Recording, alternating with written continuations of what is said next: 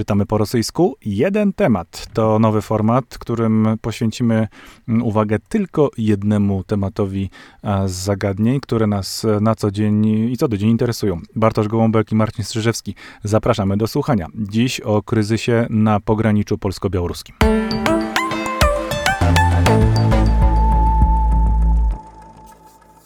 Cześć Marcinie i dzień dobry i dobry wieczór wszystkim naszym słuchaczom. Dzień dobry Państwu czytamy po rosyjsku. No i czytamy po rosyjsku nie tylko w litewskich e, źródłach, nie tylko w białoruskich, nie tylko w kazachskich, ale wszędzie, gdzie to tylko możliwe. Mm, zacząłem mówić o litewskich, więc właśnie do tych litewskich chciałbym dzisiaj nawiązać po części, ale tak naprawdę temat jest mm, dużo szerszy, nabiera coraz to bardziej dynamicznego kontekstu. Mm, sięgnąłem do e, prasy litewskiej, która w jakiejś części E, jeszcze przychylna jest językowi rosyjskiemu. E, portal delphi.ru i e, spróbowałem rozeznać, jak wygląda sytuacja, o której też już dosyć głośno jest od kilku dobrych dni w Polsce. Jak wygląda sytuacja mm, na pograniczu. No i oczywiście mm, ci z Państwa i ci, e, którzy troszeczkę głębiej mm, sprawdzają, co dzieje się na wschodzie, doskonale wiedzą, że sytuacja mm, na pograniczu białorusko-litewskim, która dotyczy wysokiego napływu migrantów, uchodźców, e, ona ciągnie się już od dłuższego czasu, dużo dłuższego niż tą, którą my obserwujemy tutaj u nas e, w Polsce. E, informacja już e, e, dosyć dawno opublikowana, bo 18 sierpnia w ubiegłym tygodniu, a sytuacja, jak wiemy, jest bardzo dynamiczna, od Litwinów. Litwa reaguje na prowokacje ze strony Białorusi, wzmacniając ochronę swojej granicy.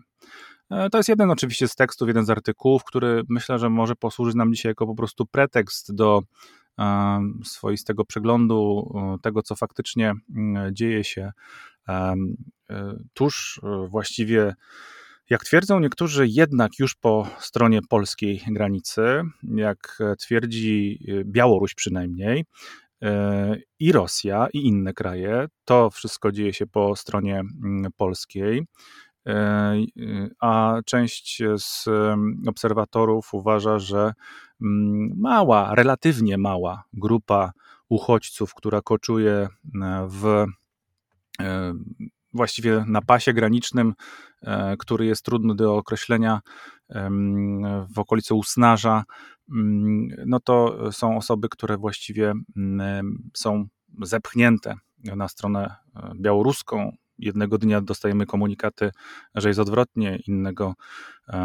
Sytuacja jest naprawdę bardzo, innego dnia jest inaczej, a sytuacja jest rzeczywiście bardzo dynamiczna. No i przegląd prasy rosyjskiej, który w tej sprawie można byłoby już dzisiaj dokonać takiego przeglądu, e, no też e, jest dosyć charakterystyczny, jeśli chodzi o sposób komunikowania o tym, E, temacie.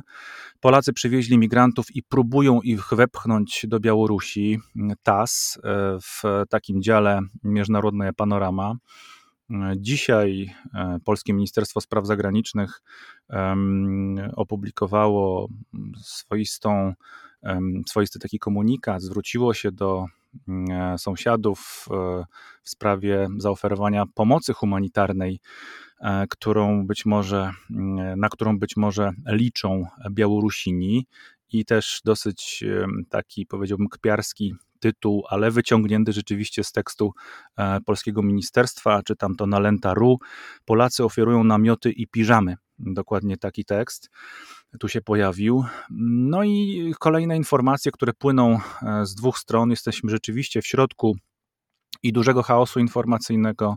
I myślę, że ci, którzy twierdzą, że jest to swoista wojna informacyjna, mają też e, tutaj bardzo e, dużo racji.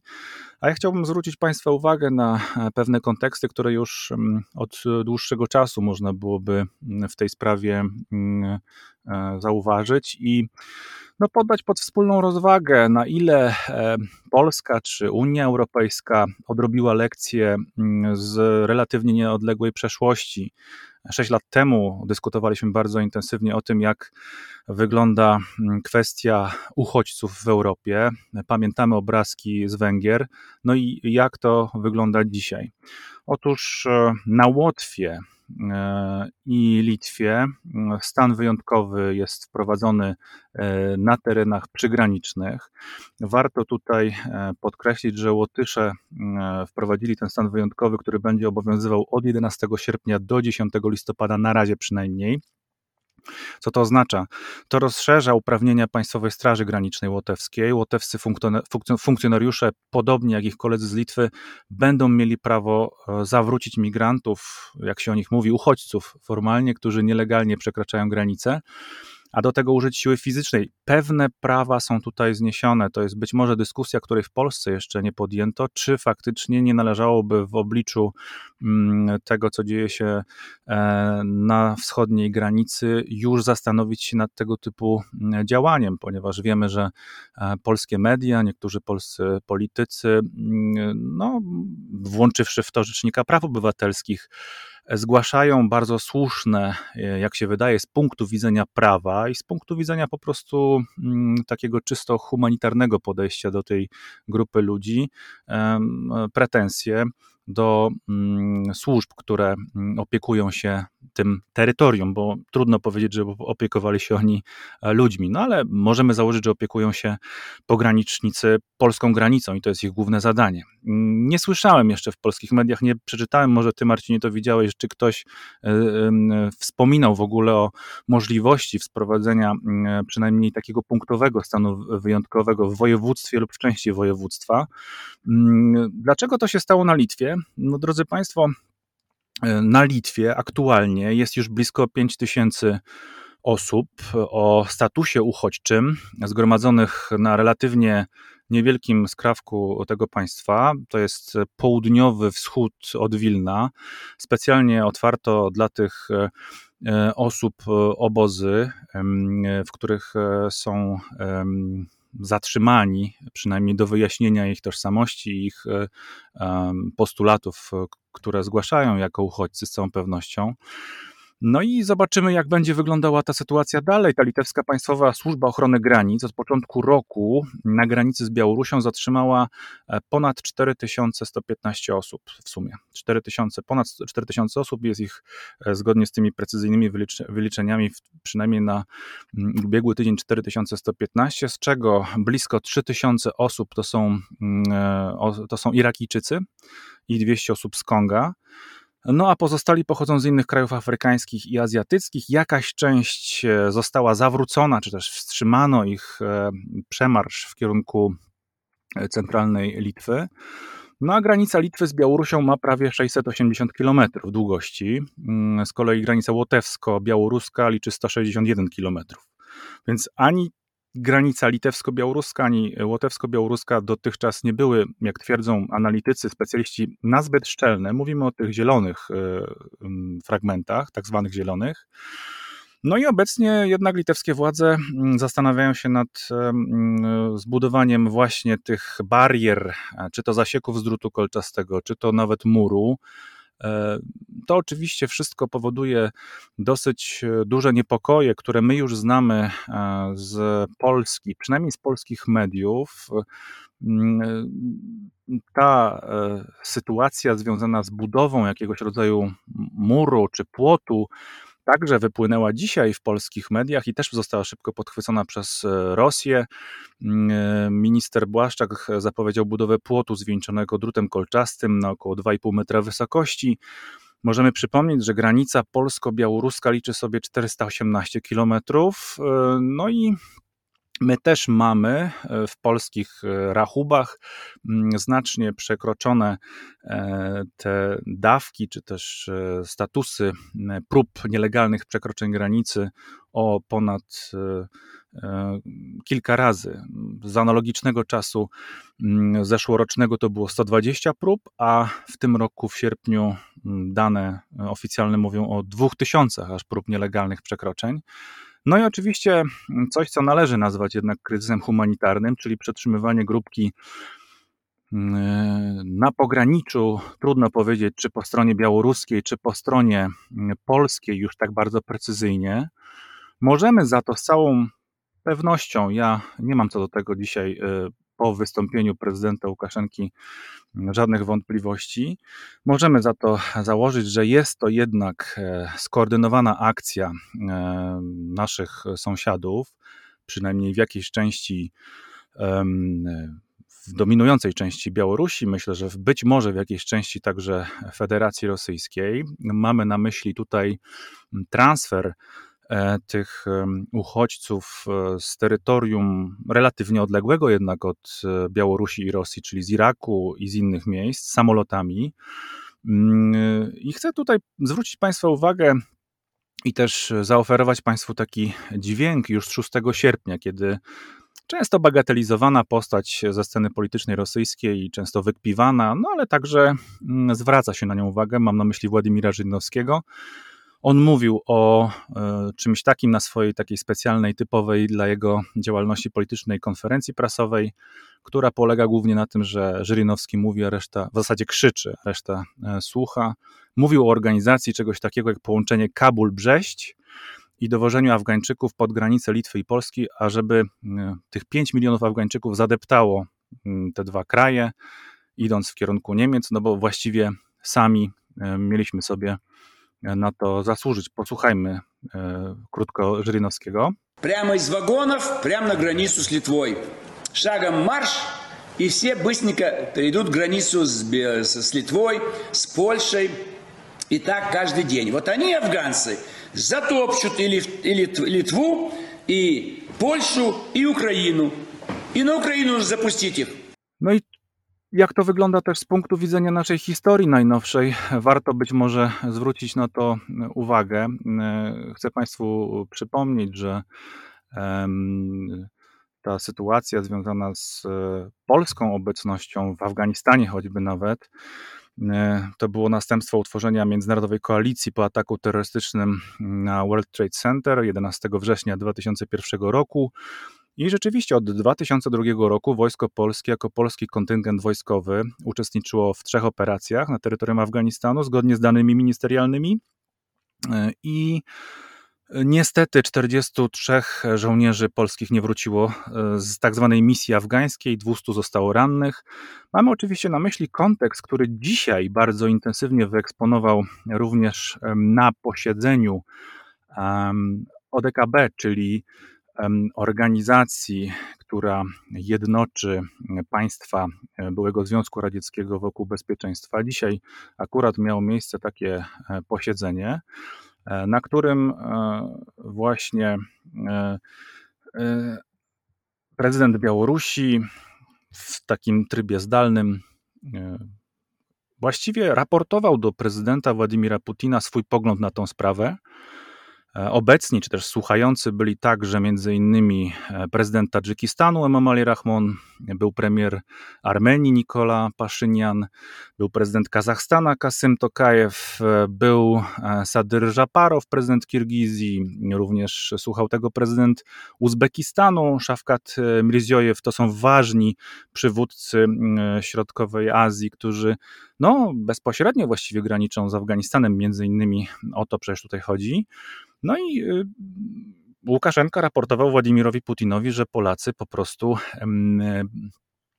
podeptali granicę polsko-białoruską, przekroczyli e, uprawnienia swoje właściwie, pokazał e, Europę właściwie w krótkich słowach, które chciałbym też, żeby Państwo wysłuchali, w, naprawdę w krótkim fragmencie, że Europie Zachodniej nie należy po prostu ufać, ponieważ opuścili Afganistan i ta kwestia e, transportów z Iraku, z Afganistanu już jest całkowicie wymieszana, co rzeczywiście e, budzi niepokój, bo właściwie e, wskazuje na to, że mamy do czynienia z, z dużą kampanią, która no, ma charakter mm, taki dezinformacyjny, wprowadzania niepokoju.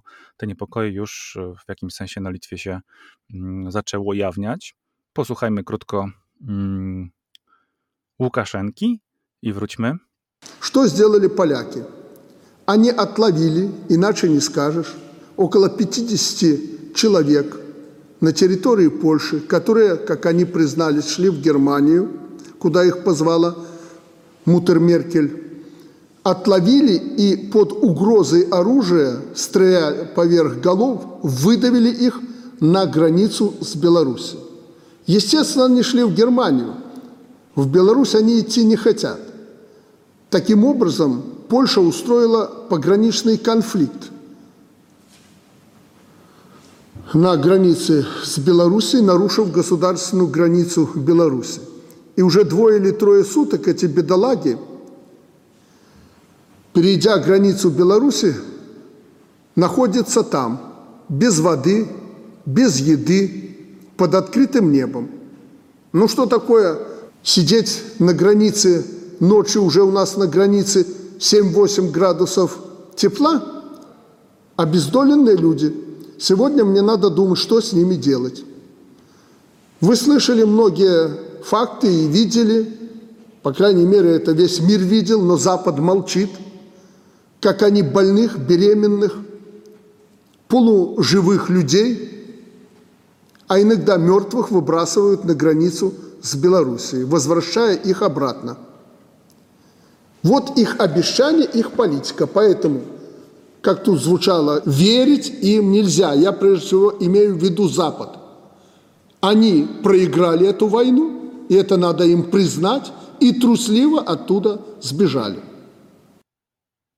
Tak wygląda e, opinia prezydenta Białorusi, wypowiedziana po rosyjsku. My czytamy po rosyjsku, słuchamy po rosyjsku i wierzę, że znaczna część z Państwa też takimi kompetencjami może się pochwalić, co nas bardzo cieszy oczywiście.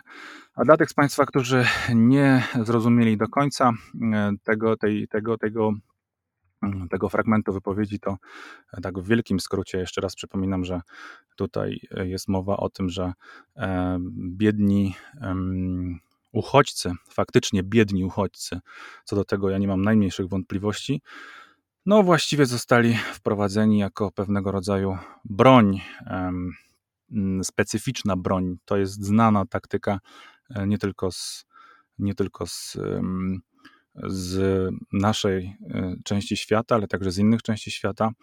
E, I tutaj prezydent Łukaszenka powołał się także na wiedzę Władimira Putina w tej kwestii, ponieważ służby specjalne były, są na bieżąco w, tym, w tej kwestii. Mm, Marcinie, tutaj jest bardzo dużo wątków, które jeszcze będą pewnie mm, miały swoje rozwinięcie. E, mam jeszcze jedną kwestię do, do, do powiedzenia, ale chciałbym już Ci oddać głos, żebyś mógł troszeczkę mm, uzupełnić być może albo skomentować e, to, co faktycznie my teraz widzimy e, na, i w Białorusi, i w Rosji w tej sprawie, i na Litwie, no bo mm, staramy się być może niespecjalnie przenikać w to, jak to u nas wygląda, ale jednak dotyczy nas bezpośrednio. Bardzo dużo już tutaj powiedziałeś, bardzo merytorycznie na temat tej sytuacji. Powiedziałeś także o dzisiejszym wystąpieniu Łukaszenki, o czym chciałem dodać, gdybyś o tym nie powiedział. Dlatego ja sobie pozwolę tutaj na taką małą ocenę emocjonalną, choć staramy się zazwyczaj być powściągliwi, jednak wydaje mi się, że w przypadku takiego człowieka jak Aleksander Łukaszenka możemy pokusić się o odrobinę emocji i powiedzieć, że to jest mały człowieczek, który bardzo niewiele w tej chwili może, pokłócił się z całym światem, pokłócił się, co widzieliśmy w zasadzie dokładnie rok temu ze swoim własnym narodem. I w tej chwili, mm, po jeszcze tych niedawnych przypadkach z samolotem Ryanaira, kiedy świat pokazał mu mm, żółtą kartkę, on teraz próbuje się odegrać w bardzo niski sposób w sposób bardzo przykry, bo tak jak mm, też mówiłeś, biedni imigranci, to są ludzie różni, prawda? Możemy mieć różne oceny na temat tego, kto przychodzi do Europy. Mm, możemy mieć różne obawy co do tego, kto przychodzi do Europy, ale jednak, co byśmy nie mówili, jacy by to nie byli ludzie, są to ludzie daleko od domu, w tej chwili w zasadzie bezdomni, pozbawieni pracy, znajomości, znajomości języka, terenu, w którym się znajdują, i zostali oni cynicznie i podle wykorzystani przez konkretnych ludzi, w tym przypadku przez władze białoruskie, po to, żeby stworzyć problem, żeby wykreować kryzys u sąsiadów, którzy w przypadku Polski i Litwy zdecydowanie nie zasłużyli sobie na sympatię dyktatora mm, Białorusi, wspierając te ruchy protestacyjne w różne sposoby. Zresztą sposoby, które nie zawsze i nie do końca były chyba wystarczająco dobre dla samych protestujących, dla samej białoruskiej opozycji, ale to już jest inny temat. Niemniej jednak oni podpadli, my podpadliśmy Łukaszence, więc on skoro jego kraj nie ma żadnych, żadnego ekonomicznego wpływu na Unię Europejską, żadnych realnych możliwości, żeby faktycznie zaszkodzić Polsce czy Litwie, to po prostu w taki niski i brudny sposób podgryza te kraje po łydkach, co jak mówiłem dam tutaj ocenę mm, emocjonalną temu wydarzeniu, nazwałbym takie działanie zwyczajnie obrzydliwym, mm, zwłaszcza przez to, że rozpala tutaj także w Polsce mm, podziały, bo wiemy, że Polska ma od dawna problem e, z tym, co robić z tego typu ludźmi, bo to nie jest tak, że tylko z wyniku działań białoruskich władz istnieje y, migracja. Ona istnieje z przyczyn ekonomicznych, z przyczyn klimatycznych, mm, z przyczyn, powiedziałbym, wizerunkowych, w tym sensie, że Europa ma wizerunek, który przyciąga tych ludzi, bo oni żyją w warunkach, które nam się nie śnią, a widzą często na jakichś przetartych kasetach VHS seriale z zachodu i chcą takiego życia i naprawdę trudno im się dziwić, więc dążą tutaj. Więc to nie jest problem, który istnieje od wczoraj, nie jest to problem istniejący tylko w związku z Białorusią. Łukaszenka doskonale wie, że jest to problem, który dzieli Europejczyków, dzieli Polaków, więc tworzenie takiego problemu jest bezpośrednim uderzeniem chociażby w polski rząd, który w tej chwili musi się mierzyć z kryzysem, musi w jakiś sposób nie dać się wplątać w te gierki, polityczne gierki mm, autorytarnego reżimu sąsiadującego z nami, jednocześnie nie tworząc kryzysu, mm, nie tracąc głosów i popularności, poparcia wśród ludzi, którzy w Polsce także chcieliby zobaczyć jakieś rozwiązanie, które byłoby powiedzmy humanitarne wobec tych ludzi, którzy stali się zakładnikiem tej dziwacznej sytuacji. To jest wiele poziomów, ale nie da się od tego uciekać. Rzeczywiście nierówna gra też polega na tym, że mamy do czynienia z reżimem autorytarnym i my wciąż tutaj borykamy się z różnego rodzaju kontekstami, które mm, nas e, e, wikłają w kontekst, który jest nam bardzo bliski w Europie przede wszystkim, czyli praw człowieka, kontekst humanitarny. I faktycznie mm, wydaje się, że to jest jeden z takich, jedna z takich głównych przestrzeni podziału. Ja chciałbym też powiedzieć, że troszkę niepokoi mnie albo mm, niespecjalnie podoba mi się, mm, jak e, w polskich mediach ta sytuacja jest oceniana, w niektórych polskich mediach. Ja nie uważam, żeby e, polscy dziennikarze, e, reporterzy, specjaliści, którzy chcą się dowiedzieć, żeby nie mieli prawa do tej informacji.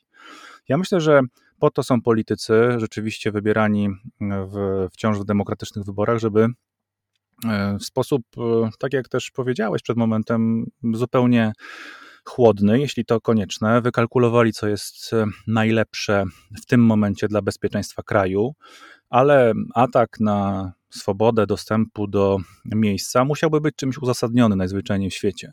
Ja myślę, że akurat Litwini czy Łotysze y, tą sytuację rozstrzygnęli mm, lepiej z tego punktu widzenia, no właśnie wprowadzając ten stan y, wyjątkowy. I nie ma się czego tutaj bać, tylko po prostu należy chyba skorzystać z tych instrumentów. One w polskim prawie przecież leżą i czekają. Tylko, że pamiętamy pewnie obaj, y, że kiedy dyskutowano o tym, Ponad rok temu, e, w okolicy wyborów prezydenckich e, i e, w momencie, kiedy nie wiadomo było, jak potoczy się kontekst pandemii COVID-19, to wówczas wszystko było też u nas w kraju wykorzystywane, wszelkie metody, ale nie te, które gdzieś tam rzeczywiście w prawie są do dyspozycji. I myślę, że po prostu jest to czas, żeby eksperci, prawnicy, specjaliści do spraw bezpieczeństwa zastanowili się nad tego typu rozwiązaniami, żebyśmy po prostu mieli wszyscy rozwiązane ręce. To znaczy służby, które pilnują granicy, żeby miały rozwiązane ręce do e, dokonywania tego typu działań, które e, są w interesie i zgodnie ze sztuką przeprowadzane a żeby ci, którzy mają obowiązek zdobycia dla opinii społecznej informacji, mogli tą informację rzeczywiście wydobywać. Ja próbowałem się przez ten temat troszeczkę e, poprzecierać e, głębiej. Słuchałem podcastu, w którym mm, Michael Young, taki pisarz, reporter, bloger, były wojskowy Amerykanin, dużo był na świecie i dużo rzeczy różnych widział. Był też na Litwie i o Litwie mówił właśnie w tym kontekście, bo Litwa naprawdę przeżywa dużo trudniejsze już chwile od tego, co my nawet możemy mm, dopiero, mm, czego możemy doświadczyć dopiero. Więc on mówił o tym kontekście właśnie nauki pewnego rodzaju, ponieważ my rozpatrujemy albo często rozpatruje się tą kwestię właśnie, a to z punktu widzenia polityki, geopolityki, e, rozpatruje się te kwestie z punktu widzenia um, właśnie dostępu do informacji, czy prawa, czy też wreszcie po prostu praw człowieka. Słusznie zupełnie, ona ma bardzo wiele poziomów, ale jest jeszcze jeden poziom, który znika albo zanika, a słusznie ty wskazałeś na niego, ten emocjonalny, on ma też ten charakter zupełnie jednostkowy, osobisty. To znaczy, ci ludzie mają swoją świadomość, którzy zostali wprowadzeni, wmanewrowani w tę sytuację, i oni e, no, mają jakieś marzenia, mają jakieś cele. Na pewno będą próbowali e, ich e, sięgnąć. A tym celem jest po prostu przekroczenie granicy wschodu z zachodem, nawet tej symbolicznej granicy wschodu z zachodem. I Michael Young mówi, że jeśli tylko taka stróżka pocieknie, czy też taki, taki moment nastąpi, w którym Um, ludzie, którzy rzeczywiście znajdą się czy to na terytorium Polski, czy to nawet dalej w Europie, będą mogli wysłać przysłowiowego SMS-a e, do swoich bliskich, czy to w Afganistanie, czy w Kongu, czy w Iraku, to wtedy ta fala może być znacząco e, większa, wyższa, tak zwana fala, chociaż wiemy, że jest bardzo dużo informacji o tym i takiej emocjonalnej, i takiej zupełnie humanitarnej lekcji o tym, żeby tak nie mówić o ludziach po prostu, którzy uciekają przed nieszczęściem. To nie są przecież ich e, marzenia, żeby po, opuścić swój dom. Więc trzymając się jednak tej nomenklatury, że ta fala będzie dużo wyższa, a specjaliści, którzy się tym zajmują, czyli manipulują tym ruchem. Zaraz w kadry kamer wprowadzą nie tak zwanych młodych, silnych mężczyzn, tylko po prostu kobiety w ciąży i dzieci. I te emocje będą bardzo, bardzo wysoko eskalowały, a my wtedy zupełnie staniemy się bezbronni przed tego typu e, szantażem moralnym, bo to jest oczywiście szantaż moralny. No i niestety za tym idą bardzo konkretne rady od Michaela Jona.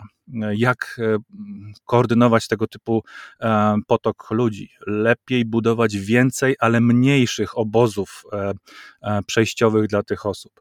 One są łatwiej kontrolowane, a w takich obozach, niestety, dużych, zdarzają się bardzo często, są na porządku dziennym po prostu kłopoty wewnętrzne, sprzeczki.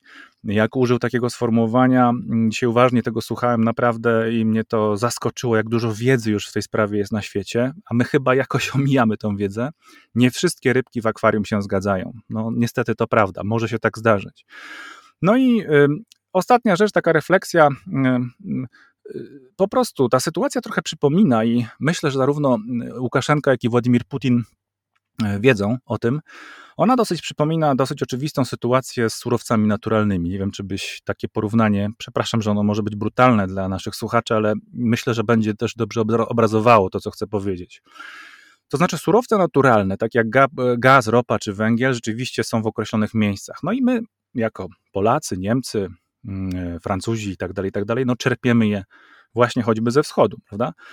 Trochę tak samo jest z tymi miejscami kryzysu, z których ci ludzie mm, e, przybywają do Europy i szukają szczęścia, e, lepszego życia dla siebie. To są też dosyć dobrze znane i bardzo, nawet, nawet bardzo dobrze znane i określone miejsca. E, cytowałem przed momentem nasza obecność w Afganistanie, nasza, czyli Polska, e, polska obecność e, w Iraku.